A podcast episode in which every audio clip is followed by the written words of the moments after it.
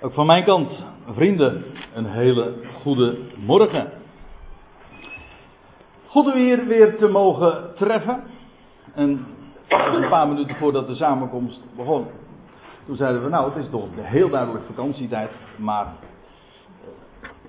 de grote oogst uh, kwam daarna nog dus. Dat, dat waar ik, we keken naar eerstelingen zeg maar, toen nog. Ik wil u vanmorgen heel graag eens meenemen naar, het, naar de gelaten brief. En ik heb het als titel meegegeven, zoals u hier ook op het diascherm ziet. Niet naar de mens. En die uitdrukking die is ontleend aan gelaten 1 vers 11. En voordat ik daar wat meer over wil zeggen, wil ik u eerst even meenemen naar de achtergrond. Als we een aantal passages uit Galaten 1 zullen bespreken en zullen bezien, dan is het toch wel handig als je even weet wat is er nou precies aan de hand. De achtergrond. Wel, eh, het verhaal is deze dat eh, de apostel Paulus, zoals we ook in het boek Galaten lezen, eh, pardon, in het boek Handelingen lezen, de historische beschrijving daarvan, had Paulus gepredikt het evangelie, uiteraard wat anders, het goede bericht in Galatië. Galatië is een landstreek, een grote provincie in het huidige Turkije. Zoals Asia een bekende is, Sicilia, Cappadocia, het wordt allemaal in de Bijbel ook genoemd. Daar had Paulus het evangelie gepredikt. Nu is het zo dat na zijn vertrek zijn daar predikers gekomen. Die waarschijnlijk vanuit Jeruzalem, maar in elk geval daar uh, beriepen ze zich op. Na zijn vertrek kwamen predikers die de gelovigen die hier waren in de landstreek van Galatië, de ecclesia's, want Paulus, we lezen dat Paulus de, de gemeenten, de ecclesia's in Galatië aanschrijft, zodat daar diverse kringen, geloofsgemeenschappen waren. Wel, die wilden de gelovigen judaïseren. En die uitdrukking is ontleend aan hoofdstuk 2, vers 14, hoewel dat in de vertaling niet echt uit de verf komt. In de vertaling staat dan uh, dwingen de heidenen of de natieën dwingen zich als joden te gedragen. Dat is wat judaïseren betekent. Dat wil zeggen verjoodsen.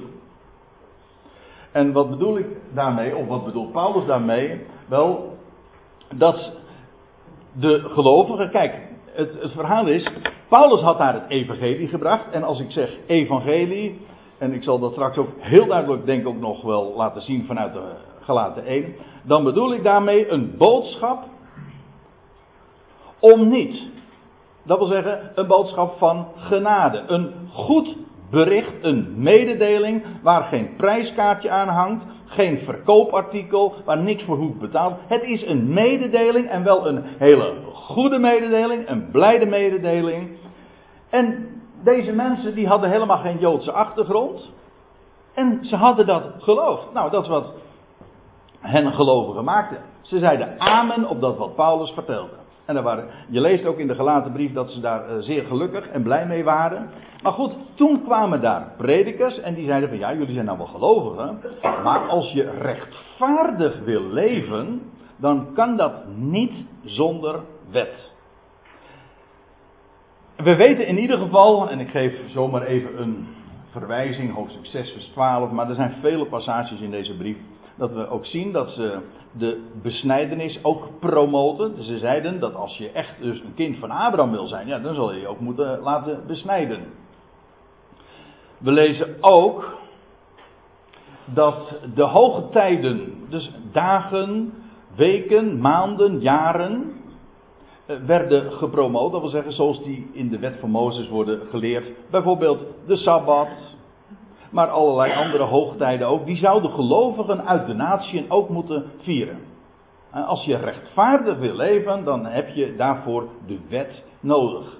Ik weet, men, men geeft het heel dikwijls verkeerd weer. Men zegt dan, ja, in de Galaatse brief, daar was het de leer dat, dat je behouden kon worden buiten Christus om. Maar het, het woord, behoudenis, of varianten daarvan, kom je in de gelaten brief niet eens tegen. Het gaat niet om behoudenis, het gaat niet om redding, het gaat erom om rechtvaardiging. Om een rechtvaardige te zijn, kan, heb je de wet nodig. Dat was de leer. Nou, en daar gaat Paulus bijzonder krachtig tegen te keren, mag ik wel zeggen. Hij zegt niet van, nou ja, dit is een uh, verschil van inzicht met wat ik jullie heb verteld. Maar goed, we, we moeten een ecumenische instelling hebben. En laten we gewoon de lieve vrede bewaren. Jullie, jullie visie, ik de mijne. En zo gaan we gewoon gezamenlijk optrekken. Nou, echt niet dus. Paulus trekt bijzonder veel van leer. Hij zegt dat wat hier nu verteld wordt in Galatië, dat is geen evangelie. En hij zegt in Galaten 3, ja, in de vertaling staat er, oh, het is een uitroep. O onverstandige gelaten, wie heeft u betoverd? Nou, dat klinkt heel erg netjes, maar het staat eigenlijk veel grover nog. Trouwens, er staan uh, wel meer grove dingen in. Hij zegt dan bijvoorbeeld in hoofdstuk 5, moet ik er eens even ter plekke aan denken. Dan lees hij van, nou die mensen die daar uh, de besnijdenis uh, verkondigen, die moesten zichzelf maar snijden. Nou, ik kan u zeggen, dat is castreren dus. Dat wil zeggen, die mes moet maar eens uitschieten. Daar komt het een beetje op neer. Nou, u zegt dat is vrij grof. Nee, maar dat is de taal die Paulus spreekt. Dat kun je wel mooi polijsten, o onverstandige. Zijn jullie nou heel... Dat, dat is wel mooi getimed, Ruud. Goeiedag zeg.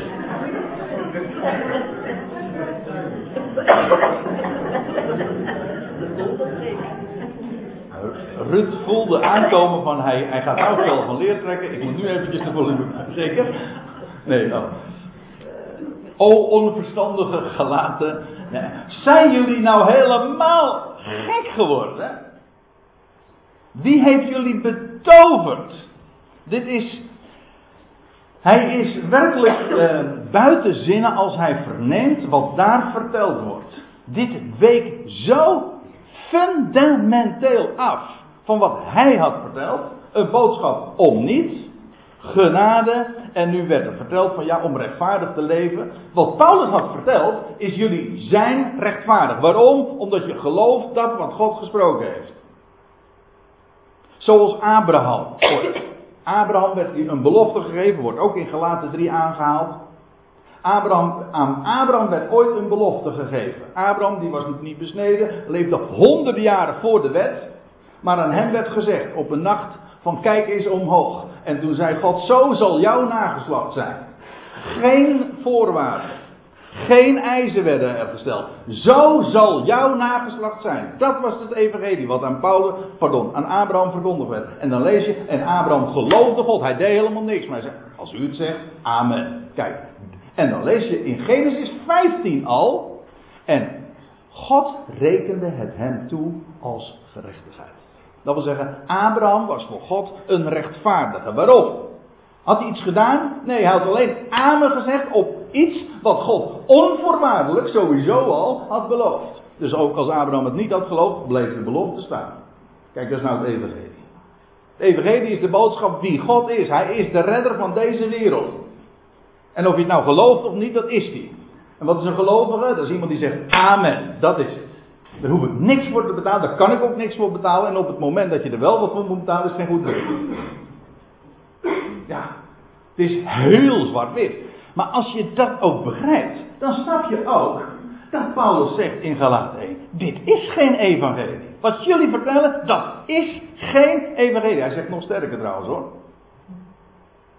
Ja, hij zegt dit ook. Maar als je even verder leest in Galaten, in Galaten 1, dan zegt hij ook.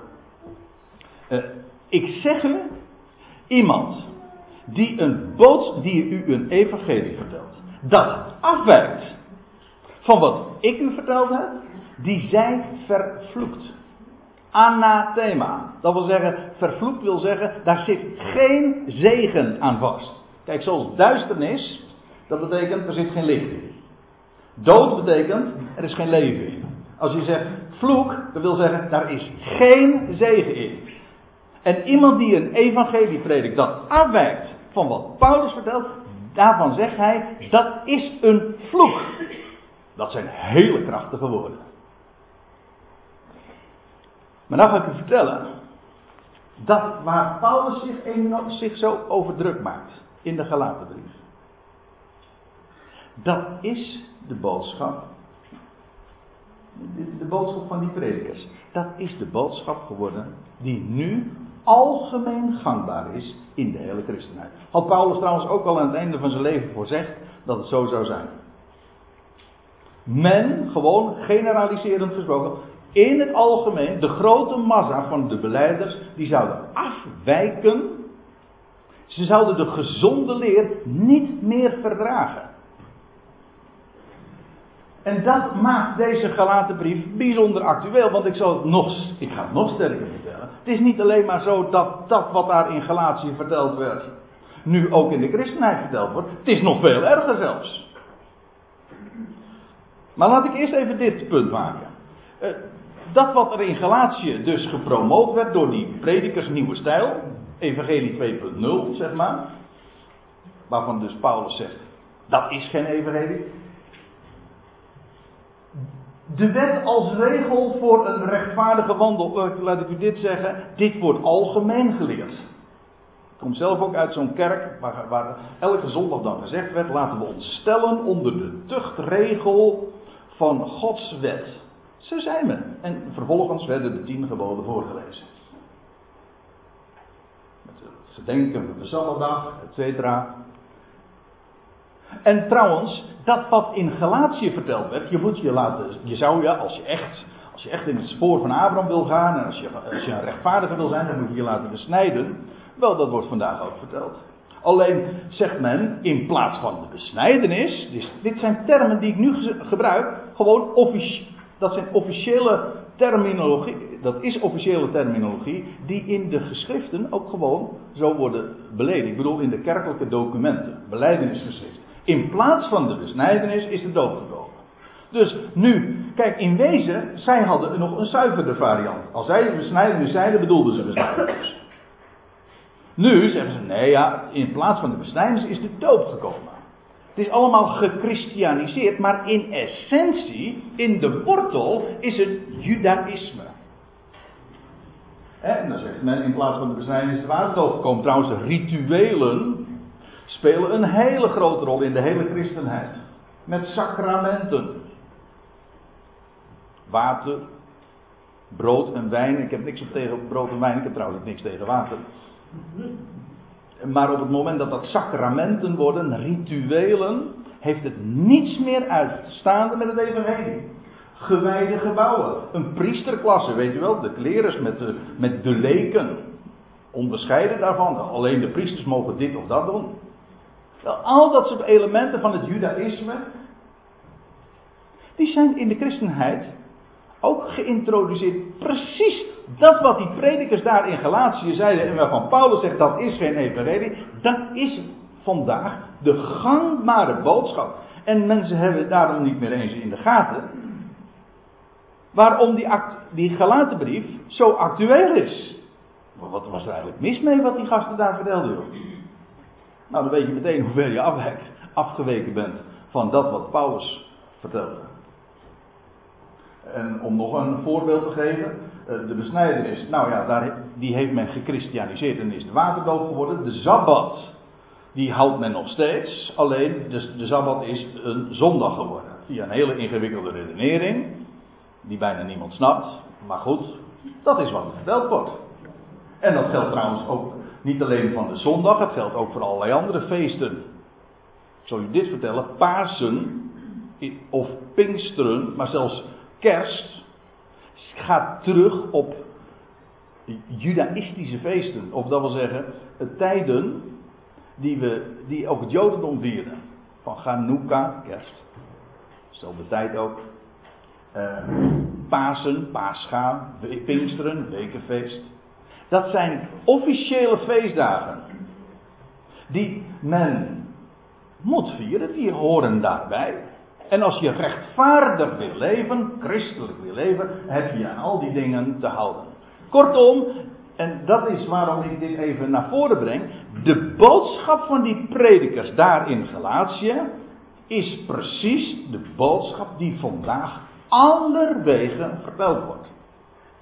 Kijk, en Paulus gooit het niet op een akkoordje. En hij zegt niet van, nou ja, goed, uh, verschil van inzicht, al laten we daar niet zo moeilijk over doen. Hij, als het gaat om het evangelie, dan vallen er geen compromissen te sluiten. Goed. Dat even ter inleiding.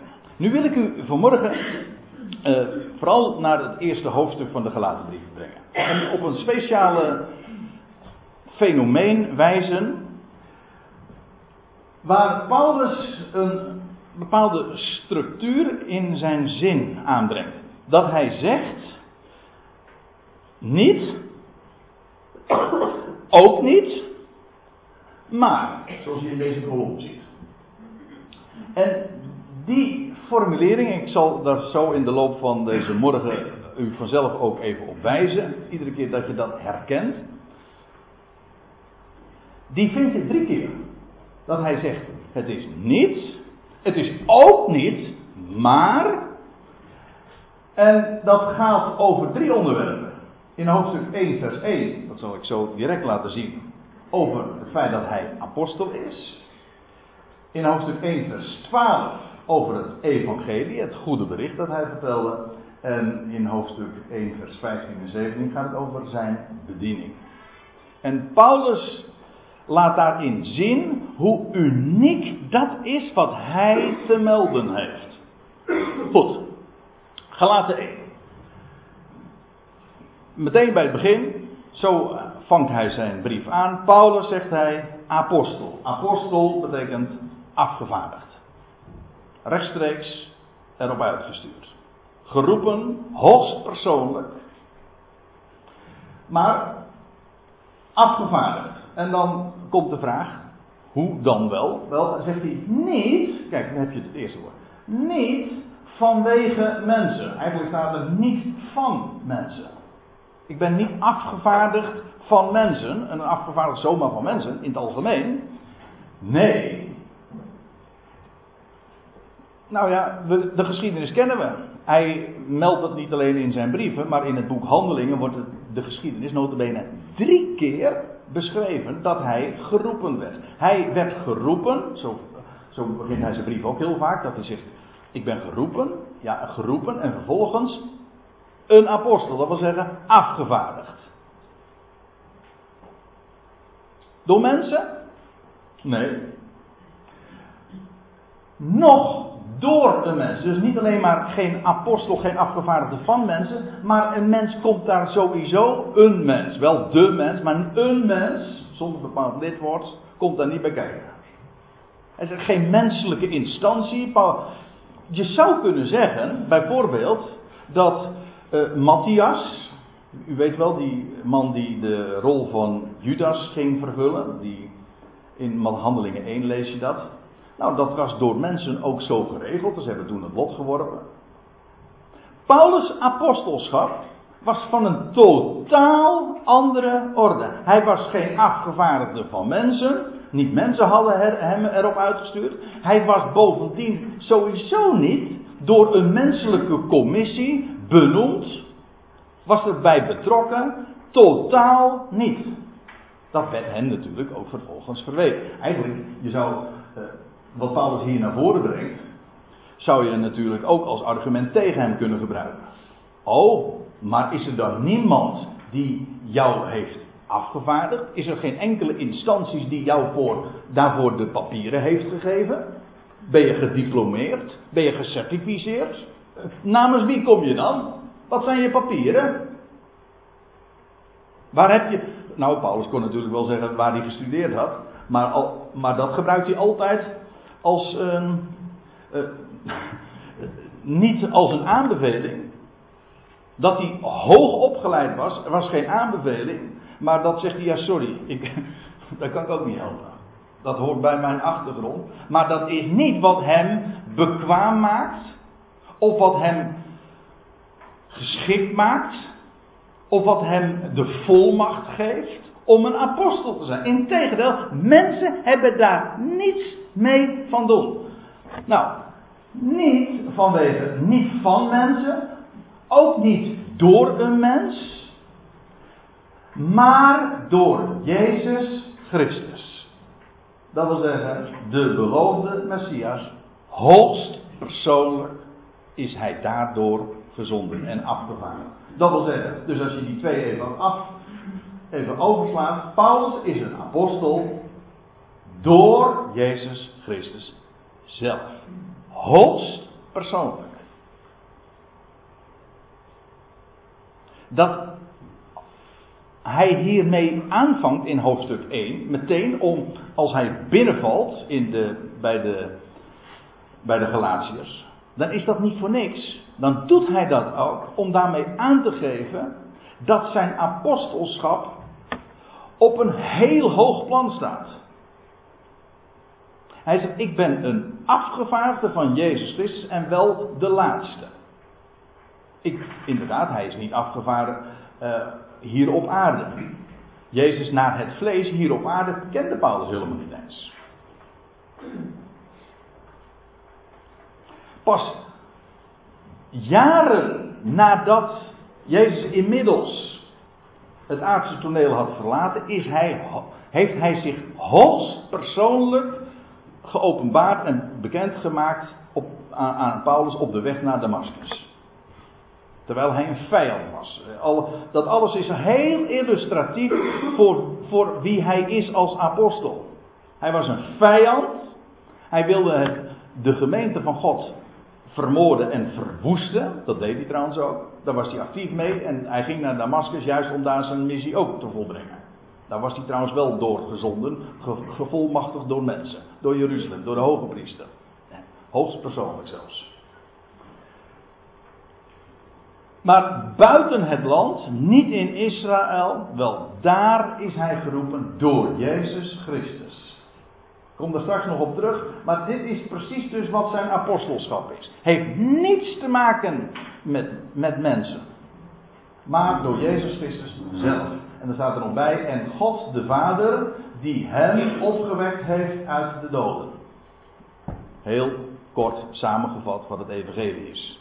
En als ik het trouwens nog even terugkoppelen op wat ik zojuist zei. Alleen al de, zulke formuleringen staan al haaks op wat de orthodoxie zegt. Ik bedoel ook de christelijke orthodoxie. God de Vader is één God, namelijk de Vader. En wie is die God? Wel, dat is degene, de God, de Vader, niet een rechter, de Vader die hem, Jezus Christus, opgewekt heeft uit de doden. Vergis u niet, het is niet zo wat er uh, altijd verteld wordt, ja, Jezus Christus stierf. Nou ja, stierf, tussen aanhalingstekens, hij stierf niet echt, want hij, hij leefde gewoon voort in een andere toestand. Trouwens, hij was God, dus hij kon eigenlijk niet eens sterven. Vandaar ook dat ze zeggen, men zingt dat ook zo, hij steeg uit het graf door, eigen, door, door eigen kracht. Nou, dat is dus niet waar.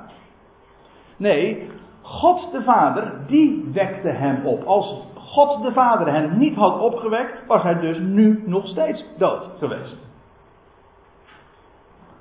God de Vader heeft hem opgewekt. Hij was dood en God de Vader heeft hem opgewekt. Wel, eh, alleen al zo'n hele formulering. Dit kun je niet van harte geloven. Dat God hem opwekte kun je niet van harte geloven. Als je de het orthodoxe, de orthodoxe versie, zeg maar, van het evangelie gelooft. Dat kan je niet geloven. Beide kan niet.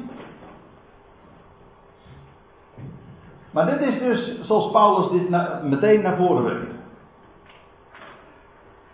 Dus, even meteen in, in een tabelvorm. Niet een apostel van mensen. Ook niet door een mens, maar door Jezus Christus. Ik ga verder. En nu sla ik een paar versen over. Ik heb eigenlijk al wat over het tussenliggende gezegd. Namelijk dat Paulus eigenlijk als hij zijn intro heeft gehad, een korte intro van drie, vier versen, dan gaat hij meteen zo fel van leer trekken tegen de, de toestand daar in Galatië. En dat wat daar verteld werd. Nou, en dan zegt hij in vers 10, misschien dat ik het nog even voor mag lezen. Dan excuseert hij zich min of meer. Hij zegt. Nou, vers 8. Ook al zouden wij, wij zelf dus, of een boodschapper, een engel uit de hemel, u een evangelie verkondigen, afwijkend van hetgeen wij, wij, jullie verkondigd hebben, die zij vervloekt, anathema, verbannen. Gelijk we vroeger reeds gezegd hebben, zeg ik thans nog eens, indien iemand u een evangelie predikt, afwijkend van hetgeen gij ontvangen hebt, namelijk van mij, die zij vervloekt. En dan zegt hij, tracht ik thans mensen te winnen? Nou nee, dan moet je, dan moet je het anders aanpakken. Dan moet je het echt anders zeggen. Als je mensen wil winnen. Tracht ik thans mensen te winnen of God? Of zegt hij, of zoek ik mensen te behagen? Nee, moet je ook niet zo doen. Maar dan zegt hij dit bij. Let op. Indien ik nog mensen trachtte te behagen, dan zou ik geen slaaf van Christus zijn. Kijk, als je afgevaardigd bent door Jezus Christus, dan heb je één ding te doen. En namelijk door te geven dat waar Hij jou toe heeft afgevaardigd. En dat is wat Paulus heeft. Zonder compromis. En als dat afwijkt, dan is dat geen evangelie. Zwart, wit, zo duidelijk. En dan komt hij in vers 11. Want zegt hij, ik maak jullie, meervoud, ik maak jullie bekend, broeders, dat het evangelie, het welk door mij verkondigd is, eigenlijk staat er het evangelie, het goede bericht, dat, ja, hoe moet je dat dan in het goed Nederlands zeggen? Dat het evangelie, dat geëvangeliseerd is door mij. Verkondigd is eigenlijk gewoon geëvangeliseerd. Gegoed berichtiseerd. Ja, we hebben ooit eens een keertje een studiedag daarover gehouden, over, over dat woord. Maar, nou, het idee is simpel. Hij zegt, dat evangelie, dat ik jullie verkondigd heb, en waar jullie nu zo van afwijken, wel, dat is niet naar de mens. Kijk, hier heb je het eerste weer. Niet is het naar de mens. Dat wil zeggen, niet in overeenstemming met mens. Een mens zou het niet bedenken. Stel een commissie in het werk, of, of vorm een, een instantie en geef ze de opdracht om een evangelie eh, samen te stellen. Om een evangelie, om een boodschap samen te stellen. Dan komen ze niet bij dit uit. Dat kan niet. Een mens zou dat nooit bedenken. Elke religie, elke godsdienstige opvatting is altijd erop gebaseerd. Dat is de essentie van elke godsdienst. Je moet iets doen. Iets doen, ongeacht wat. De islam geeft daar weer een heel andere invulling aan. Dan bijvoorbeeld het boeddhisme of welke andere godsdienst er nog mogen zijn.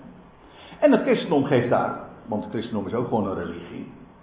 Geeft daar weer een andere vorm aan. Je moet dit of dat doen. Maar in ieder geval, je moet iets doen Maakt niet uit wat, maar je moet iets doen om bij God, om, laat ik het anders zeggen, om tot God te naderen, om, of om bij Hem te komen, om rechtvaardig te zijn of om gered te worden. Maar in ieder geval, het idee is altijd, je moet iets doen.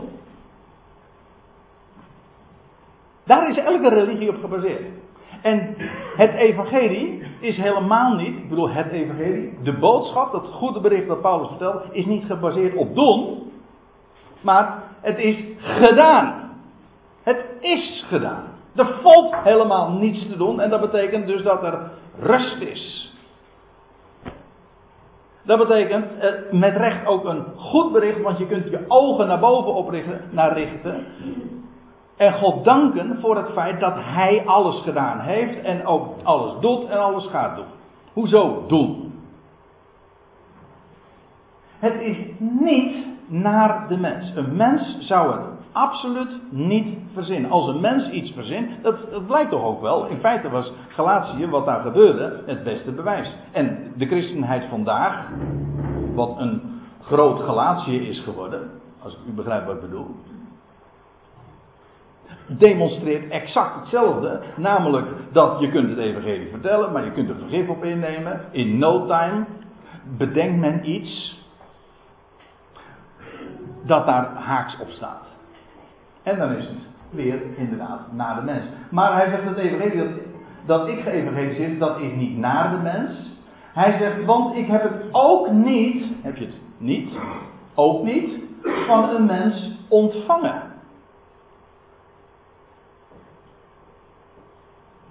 Zoals ik zojuist aangaf, hij was geroepen op de weg naar Damascus. En dat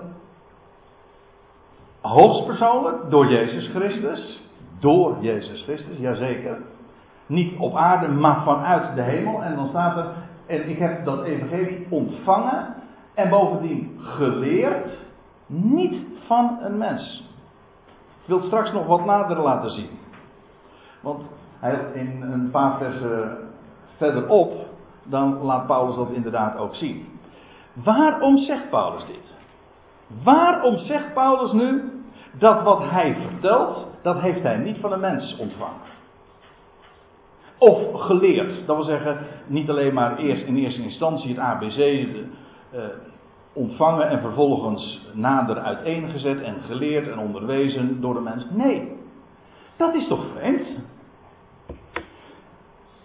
Als het waar zou zijn, wat algemeen verteld wordt, wat Paulus vertelde, dat evangelie van Paulus, dat is hetzelfde als dat wat de andere apostelen al eerder vertelden. In Jeruzalem, Jacobus, Petrus en Johannes, is allemaal hetzelfde. Maar dat is vreemd. Waarom moest dan een dertiende apostel geroepen worden? Waar en waarom zou hij nu er naar voren brengen. Het, ik heb het niet van een mens ontvangen, ik heb het ook niet geleerd. Wat had nou logischer geweest? Als het inderdaad waar is wat men er altijd over vertelt. Ja, Paulus vertelt het evangelie. Ja, een andere, een andere doelgroep. Maar het is dezelfde boodschap als wat de twaalf vertelden. Maar waarom werd Paulus dan niet gewoon naar Jeruzalem gezonden? Dat moet u me dan eens uitleggen. Dan had hij gewoon in de leer kunnen gaan bij hen die al voor hem apostelen waren, bij, Petrus of eh, wie dan ook. Maar dat is niet gebeurd. Dan had hij het gewoon van de mens kunnen vernemen en dan had hij een nieuw werkterrein gekregen. Maar dat is niet in de orde. Het evangelie wat hij vertelde aan de natie, dat is anders. Ik zeg geen andere evangelie, het is anders Natuurlijk, want voordat ik misverstaan word, en u kunt het nog teruglezen in hoofdstuk 2 ook. De twaalf, Petrus. En ze worden ook bij name genoemd in hoofdstuk 2, vers 9. Petrus, Johannes, Jacobus. Zij waren door de Heer geroepen. Zij hadden een, het evangelie van de besnijdenis. Die hadden een boodschap gekregen. Ze waren erin opgeleid, in onderwezen, getraind, enkele jaren. En ze waren ook uitgestuurd. Waarom? Om Israël op te roepen tot bekering. En als Israël gehoor zou geven aan die boodschap, dan zou de Messias terugkeren. En dan zou hij zijn koninkrijk vestigen in Jeruzalem. En vanuit Jeruzalem wereldwijd openbaren. Dat was de boodschap van hem. Was dat een goede boodschap? Natuurlijk, het, is, het heet evangelie. Daartoe waren ze geroepen door Jezus Christus zelf. Maar, later, als blijkt dat Israël deze boodschap afwijst, dan wordt Paulus geroepen. En dan krijgt hij een evangelie dat daar dat totaal anders is. Met een totaal andere inhoud waarvan Jacobus, Petrus en Johannes en de rest van de twaalf geen weet hadden. En Paulus zegt, ik heb het ook niet van de mens ontvangen, ik heb het ook niet van de mens geleerd. Hoe dan wel? Wel, maar, ziet u hier dus weer, ook niet, niet, ook niet van de mens ontvangen of geleerd, maar door openbaring, door onthulling van Jezus Christus. Jezus Christus heeft het mij zelf allemaal verteld. Het eh, verhaal, ik, misschien kent u dat, dat mensen eh, dan zeggen van ja, het, gaat niet eh, om die woorden van Paulus, nee, het gaat om, om, om de woorden van Jezus. sommige mensen worden verschrikkelijk boos als je als je, je beroept op, op wat Paulus zegt. Want hij is helemaal niet zo populair hoor. Dan zeggen ze, jij altijd maar met je Paulus. Maar ik zal je dit vertellen, als je vandaag het evangelie predikt, dan kom je bij Paulus uit. Als je daar niet uitkomt, dan vertel je geen evangelie. Dat kan niet anders. De woorden van Paulus zijn de woorden van Jezus Christus. Hij is door hem geroepen, vervolgens is hij ook door hem onderwezen. Ik zal dat straks ook laten zien. Dat wat Paulus te melden heeft in zijn brieven, is een vervolg op dat wat de twaalf eerder al predikten. Maar door afwijzing van Israël brak er een nieuwe fase aan. En in die fase zitten we nu nog steeds. Een onderbreking in de huisgeschiedenis waarbij Israël op een zijspoor staat en nu maakt God geen enkel verschil. En nu gaat het evangelie naar de natie. En als je vandaag het evangelie wil kennen, dan kun je niet om Paulus heen. Hij is degene die vertelt wat het evangelie is. Vandaag. Bij hem moet je wezen. Als je daarin onderwezen wil worden, kijk, heel de schrift is aan ons gegeven, zegt trouwens de apostel Paulus ook. En alles is nuttig om je daardoor te laten onderwijzen. En heel die schrift is geweldig. Maar wat is je oriëntatiepunt? Waar begin je? Wie is onze leermeester? Dat is Paulus.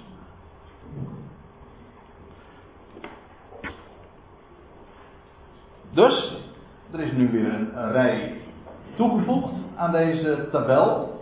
Eerst als apostel. Hij was een apostel, niet van mensen. Ook niet door een mens, maar door Jezus Christus. Zijn evangelie, want daarover heeft hij in hoofdstuk 1 vers 12. Dat is niet naar de mens. Bovendien, hij heeft het ook niet ontvangen van een mens. Hij, heeft ook niet, hij is er ook niet in onderwezen door een mens. Maar weer door openbaring, hoogstpersoonlijk, van Jezus Christus. Nou, en nu gaan we nog even verder op we slaan een paar versen over. En dan komen we in vers 15. Ja, dit zijn schitterende en ook buitengewoon belangwekkende passages. Omdat dit ons introduceert in wie Paulus is en wat zijn boodschap is. En het unieke. Er is geen passage, geen gedeelte in de brieven van, van Paulus die zo duidelijk uiteenzetten wat het unieke is van wat hij te melden heeft als gelaten 1 en 2. Als je dat niet begrijpt, begrijp je er echt heel veel van de Bijbel geen snars. kan niet. Dan kun je het namelijk niet met onderscheid lezen. Dan weet je ook niet eens waar je moet beginnen. Dan weten meestal een, heel, heleboel mensen weten dat ook niet. Ja, hoe kunnen ze het ook weten? Het wordt ze niet verteld. Er is een apostel en een leermeester van de natie. Nou, vers 15. In het direct voorafgaande had Paulus nog verteld over zijn carrière in het Jodendom. En dat hij iets verder had gebracht dan vele van zijn tijdgenoten. Hij had, elders lezen we dat hij aan de voeten heeft gezeten. En onderwezen is door uh, Gamaliel. Een van de topmensen in die dagen. Dat weten we ook uit het boek Handelingen. In het Jodendom. Dus hij was een zeer erudiet student. Hij was een, uh, een, een, uh, ja, een begenadigd een mooi woord in dit verband, laat ik het anders zeggen. Hij, die man was zeer veelbelovend in het Joden. Hij zou het helemaal gaan maken. Bovendien, hij was hartstochtelijk ijveraar, zo zegt hij, voor mijn voorvaderlijke overleveringen. Er was geen man in het Jodendom in die dagen die, die zo doorkneed was in dat judaïsme. Dus vandaar ook, dan begrijp je ook wat, dat Paulus recht van spreken heeft om daar in Galatië de boel te corrigeren. Als er één wist wat judaïsme was, dan was hij het zelf. Want al die gasten die daar in Galatië kwamen, hadden er geen benul van. Dat zegt hij trouwens ook in Galaten 6. Hij, zegt, ze weten helemaal niet eens waar ze het over hebben. Paulus wist heel goed waar hij het over had. Als hij het over judaïsme en over religie had. Hij was er zelf in doorkneed. Maar juist daardoor was hij een vijand van Christus. Religie brengt je nooit bij Christus. Integendeel brengt je, het voert je van hem af. Maar dan staat er zo prachtig in vers 15. En om even bij de structuur te blijven van die, van die zinnen. En om niet al te ver uh, zij, zijpaadjes daarin te bewandelen. Pak ik hier nu weer de draad op. Dan staat er. Maar toen het hem.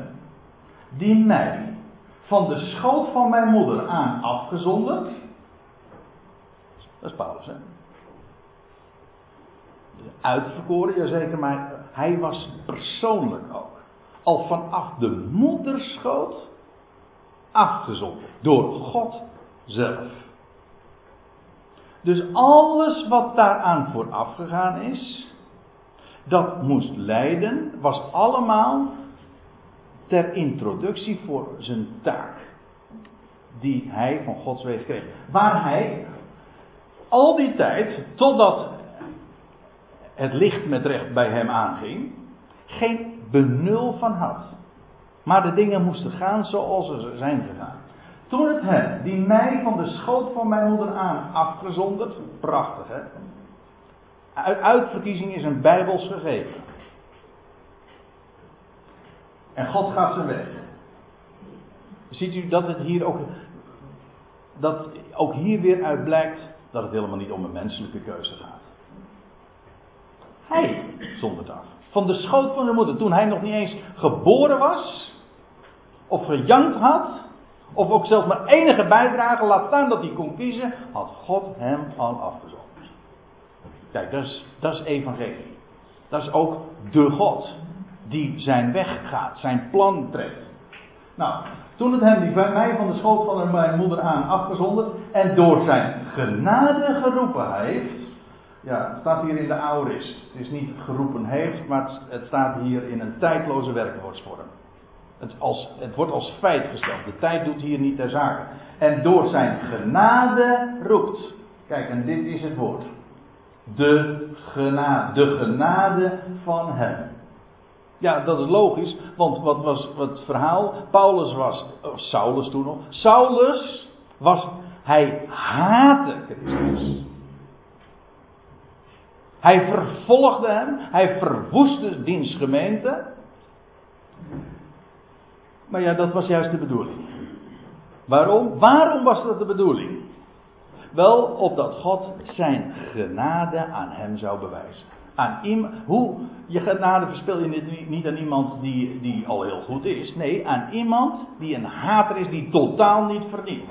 Nee, maar hij was afgezonderd en door zijn en door genade werd hij geroepen.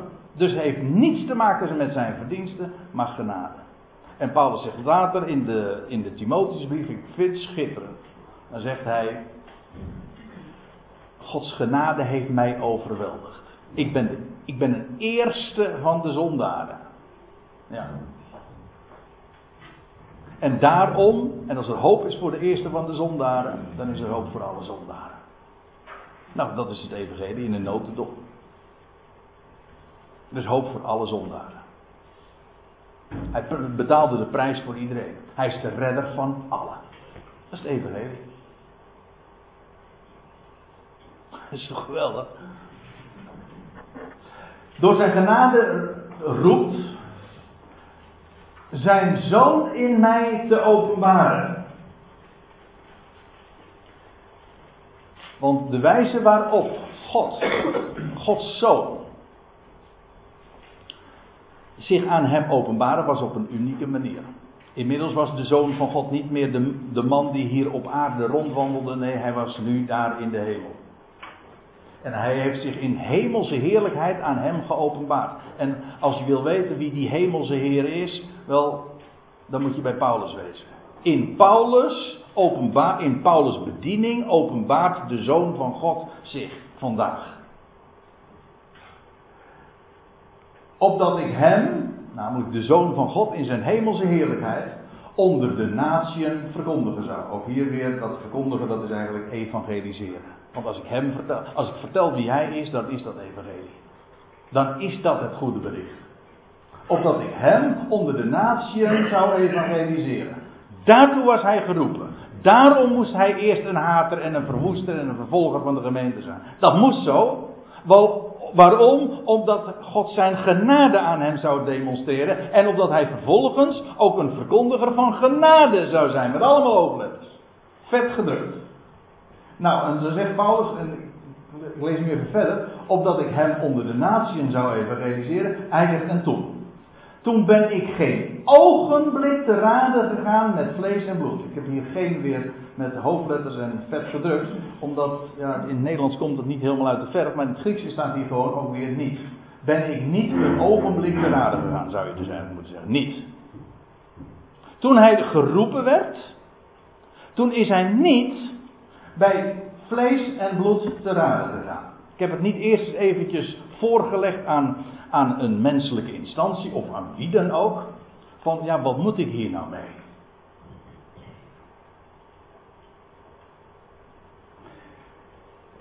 Ook ben ik niet, zie je, hier is ben niet een ogenblik te raden gegaan met vlees en bloed. Ook ben ik niet naar Jeruzalem gereisd, tot hen die reeds voor mij apostelen waren. Als de boodschap en zijn bediening exact hetzelfde zou zijn als, de die van de twaalf, had dat logisch geweest. Ga, vervoeg je maar bij hen die in Jeruzalem waren. Zij waren voor jou al apostelen en je vertelt gewoon dat wat zij ook vertellen. Het loutere feit dat het niet zo gegaan is, bewijst dat Paulus' evangelie inderdaad uniek is. Niet alleen zijn apostelschap, zijn evangelie, zijn hele bediening is uniek. Hij is ook niet naar Jeruzalem gereisd. Tot hen die voor hem reeds apostelen waren. Maar zegt hij, ik ben naar Arabië vertrokken. Arabië. Waarom dan? Wat moet je naar Arabië doen? Nou, dus moet je even doorlezen. In de Galatenbrief. Dan gelezen in Galaten 4 vers 25. Het woord Arabië komt maar twee keer voor in het Nieuwe Testament. En wel twee keer in de Galatenbrief. Hier in Galaten 1 vers 17. En in Galaten 4 vers 25. En dat is heel veelzeggend. Want wat was Arabië? Dat is de woestijn waar de berg Sinaï ligt. Ja, dat zou ik nog moeten toelichten. Dat doe ik nu even niet. Over hoe dat precies geografisch zit. Het gaat mij even nu niet waar Arabië ligt. Dat weet u trouwens. Maar goed, daar, eh, toch is er wat verwarring over.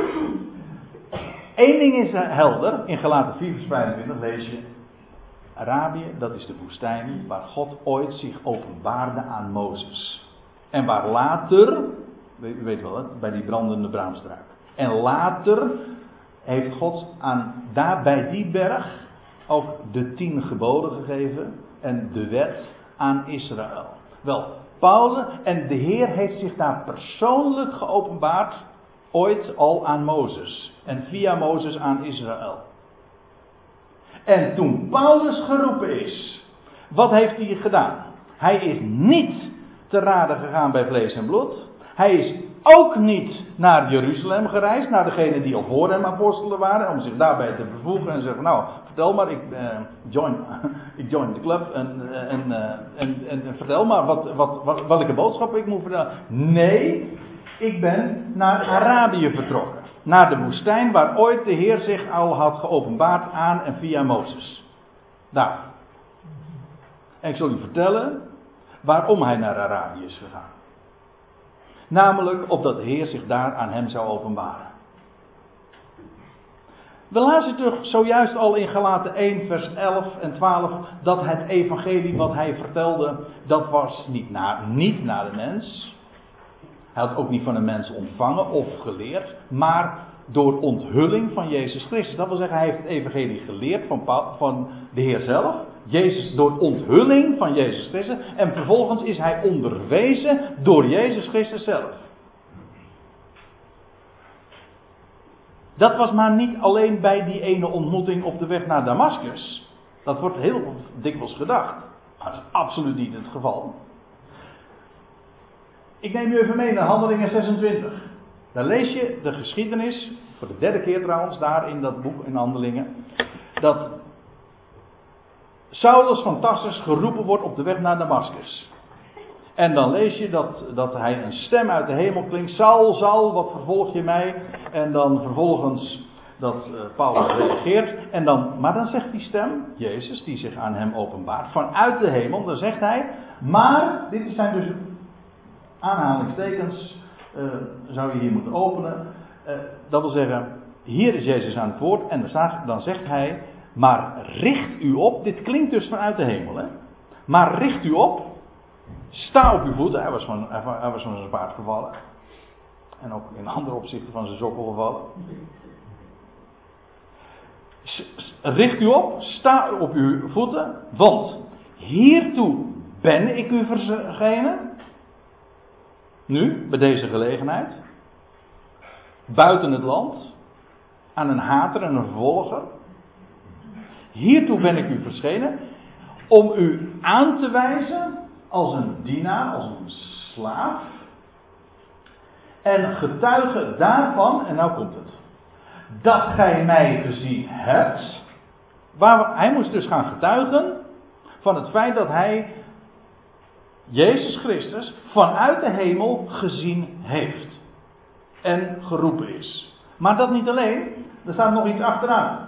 Dat gij, hij moest getuigen daarvan dat gij mij gezien hebt. Van de, eigenlijk staat er meer van. Van de dingen die u waargenomen hebt. En dat ik aan u verschijnen zal. Dat werd hem op de weg naar, naar Damascus verteld. Ik ben jou nu verschenen, maar ik heb nog veel meer te melden. Dat evangelie.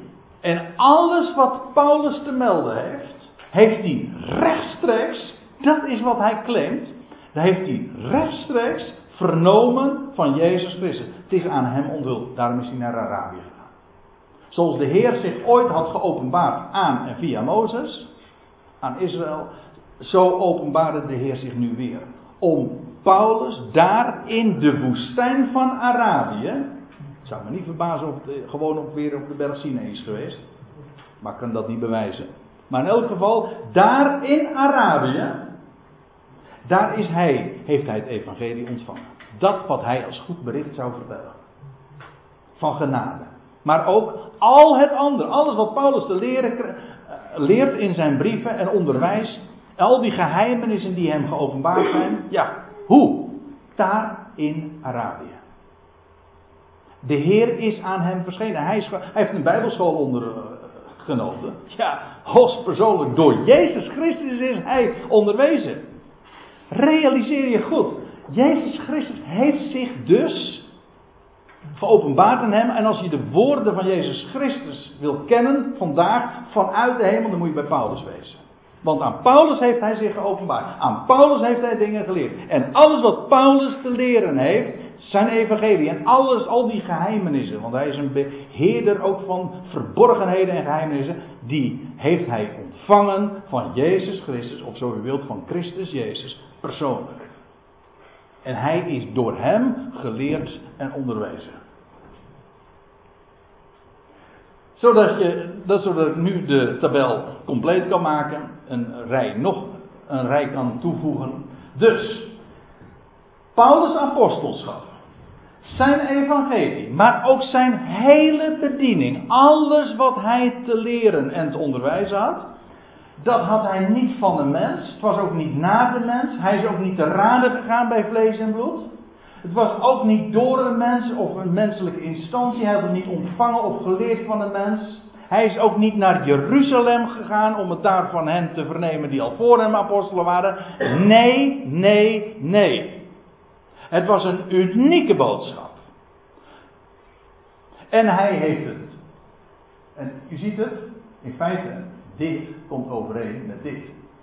Niet van mens, niet door een mens, maar door Jezus Christus. Is hij geroepen op de weg naar Damascus. Maar dat niet alleen. Ook daarna is hij geleerd en onderwezen door Jezus Christus. Daar in Arabië. Waar de Heer ooit al 1500 jaar eerder zich al had geopenbaard. En waar had Israël zich aan te houden? Aan de woorden van Mozes, die God aan Mozes had bekend gemaakt in Arabië. Waar hebben wij ons vandaag aan te houden? Wat is voor ons het onderwijs waar, waar, waaraan we ons, uh, waarna we ons richten, waaraan we ons oriënteren, wat ons de rode draad is waar we aan vasthouden om de schrift te verstaan, dan moet je wezen bij de woorden van de apostel Paulus. Dat is zo uniek. De woorden van zijn genade. En al is, de, al is heel Galatië omgegaan.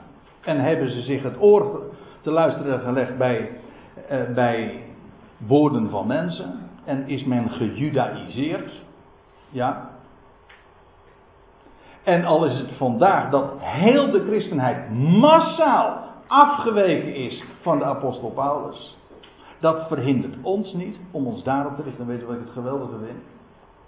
Eén ding is zo helder. Dat is werkelijk evangelie. Dat is echt evangelie. Waar je niets voor hoeft te doen, waar je niets aan kunt doen, maar dat zo geweldig is. En dat ook wereldomvattend is.